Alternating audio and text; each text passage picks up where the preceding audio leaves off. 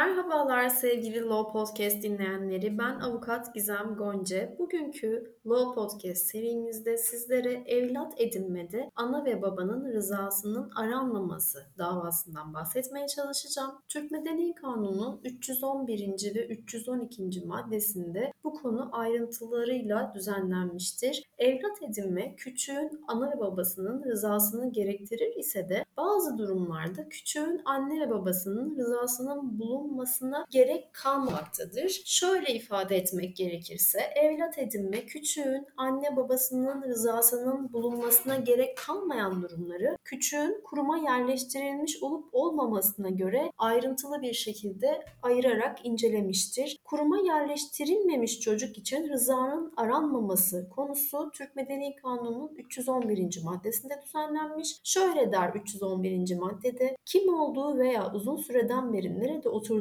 bilinmiyorsa veya ayırt etme gücünden sürekli olarak yoksun bulunuyorsa ya da küçüğe karşı özen yükümlülüğünü yeterince yerine getirmiyorsa anne ve babadan birinin rızası aranmaz. Anne ve babadan birinin küçüğe karşı özen yükümlülüğünü yerine getirmesine ya da getirmemesi sebebiyle rızasının aranmaması halinde bu konudaki karar kendisine yazılı olarak bildiriliyor. Yetki için ise kesin yetki olmadığından dolayı süresi içinde usulüne uygun bir yetki itirazının bulunması halinde mahkeme tarafından bu durum incelenmekte. Bir diğer konu ise kuruma yerleştirilmiş çocuk için rızanın aranmaması. Ee, bu konuda Türk Medeni Kanunu'nun 312. maddesinde ayrıntılı bir şekilde düzenlenmiştir. Şöyle der 312. madde, küçük gelecekte evlat edinilmek amacıyla bir kuruma yerleştirilir ve anne ve babadan birinin rızası eksik olursa evlat edinenin veya evlat edinmede aracılık yapan kurumun istemi üzerine ve kural olarak küçüğün yerleştirilmesinden önce onun oturduğu yer mahkemesi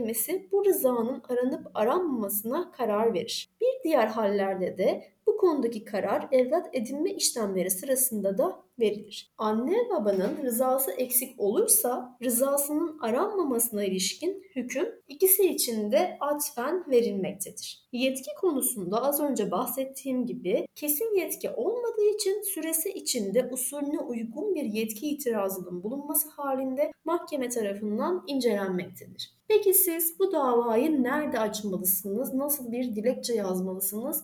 Kısaca bundan bahsetmek istiyorum. Öncelikli olarak bu davalar aile mahkemesinde açılmaktadır. Fakat aile mahkemesinin bulunmadığı bölgelerde bu davaları Asliye Hukuk Mahkemesi'nde de açabilirsiniz. Mutlaka dilekçenizde davacıyı, varsa vekilinizi ve davalıyı yazmalısınız. Bizim konumuza örnek olarak dava konusunu şu şekilde belirtmenizde fayda var. Küçüğün tek başına evlat edinilmesinde ana babanın rızasının aranmaması davasından bahsetmiştik. Konu kısmında da bunu belirtmelisiniz. Örnek vermek gerekirse davanın dayandığı hususlar, olaylar nelerdir? Bunu açıklamanız gerekiyor. Şöyle bir örnekte ilerleyelim dilerseniz. Davalıların ortak çocuğu Küçük, Mehmet'i evlat edinmek isteyen davacı evli olmayıp 30 yaşını doldurmuş olduğu gibi tabii ki bu bilgiyi mutlaka ispatlamanız da gerekmekte. Küçük Mehmet'in davacı tarafından bir yıl süreyle bakılmış ve eğitilmiş olup evlat edinme herhalde Küçük Mehmet'in yararına bulunmaktadır şeklinde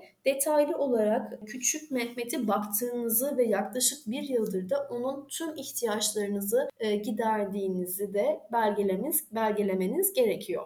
Dava dilekçesinin devamında da evlat edinilen, evlat edinenden en az 18 yaş küçük olduğu gibi bunu da mutlaka e, belirtmeniz gerekmekte. Ayırt etme gücüne sahip olan küçük Mehmet'in rızası da vardır. Evlat edinme küçüğün anne ve babasının rızasını gerektirir ise de küçük Mehmet'in davalı anne babasının uzun süreden beri nerede oturduğu bilinmemekte olduğundan rızasının aranmaması için dava açma zorunluluğunuzun olduğunu da mutlaka belirtmelisiniz. Bu davalarda en önemli husus sizin evlat edineceğiniz kişiyle aranızdaki yaş farkının en az 18 olmasıdır ve evlat edineceğiniz kişinin mutlaka ayırt etmek gücüne de sahip olması ve rızasının olması aranmaktadır. Elbette bu dava dilekçesine mutlaka delillerinizi eklemelisiniz. Peki neler delil olarak kullanılabilir? Nüfus kayıt örneği, tanık listesi, uzman raporu delil olarak dilekçede bulunması gereken noktalardır. Tabii ki talep ve sonuç kısmında da açıkladığınız sebeplerden dolayı evlat edinmede küçük Mehmet'in davalı anne ve babasının rızasının aranmamasına karar verilmesini de detaylı olarak yazmalısınız. Benim size verdiğim örnekte anne ve baba artık ulaşılamadığı için, bulunamadığı için bu davayı açma zorunluluğunuzun hasıl olduğu. Bunu da mutlaka belirtmenizde fayda var konuda Yargıtay'ın verdiği çok güzel ve değişik kararlar var. Kısaca bunlardan bahsetmek istiyorum. Örneğin Yargıtay'ın bir kararında şöyle demekte. Küçüğün evlat edinilmesinden ana babasının rızasının aranmaması kararının ya küçüğün kuruma yerleştirilmesinden önce alınması veya evlat edindirme işlemi sırasında alınması gerekir. Bu rızalar mutlaka e, o küçüğün evlat edinme noktasında alınmasından da ziyade kuruma da bırakıldığı noktada da alınmasını önem arz ettiği için böyle bir karar vermiş Yargıtay.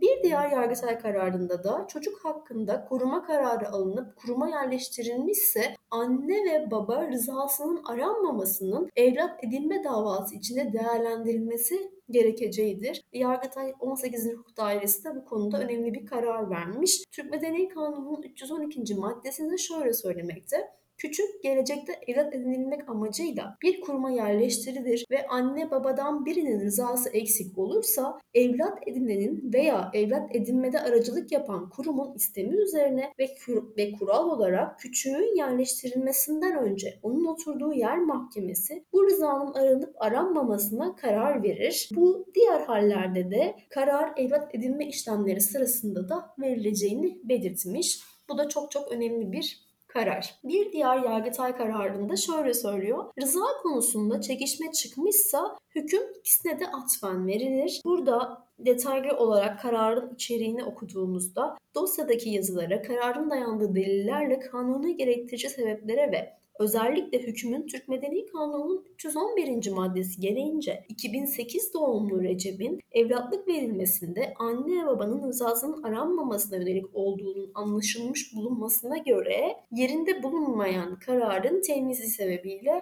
reddine ve hükmün onanmasına karar verilmiştir. Bu konuda çok fazla karar mevcut. Sizin böyle bir davanız varsa ya da açma imkanınız varsa mutlaka bu konuda hukuki destek almanızı öneriyorum. Ben e, bugün sizlere evlat edinmede anne babanın rızasının aranmaması davasından bahsetmeye çalıştım. Bir sonraki Law Podcast serimizde görüşmek üzere. Hoşçakalın.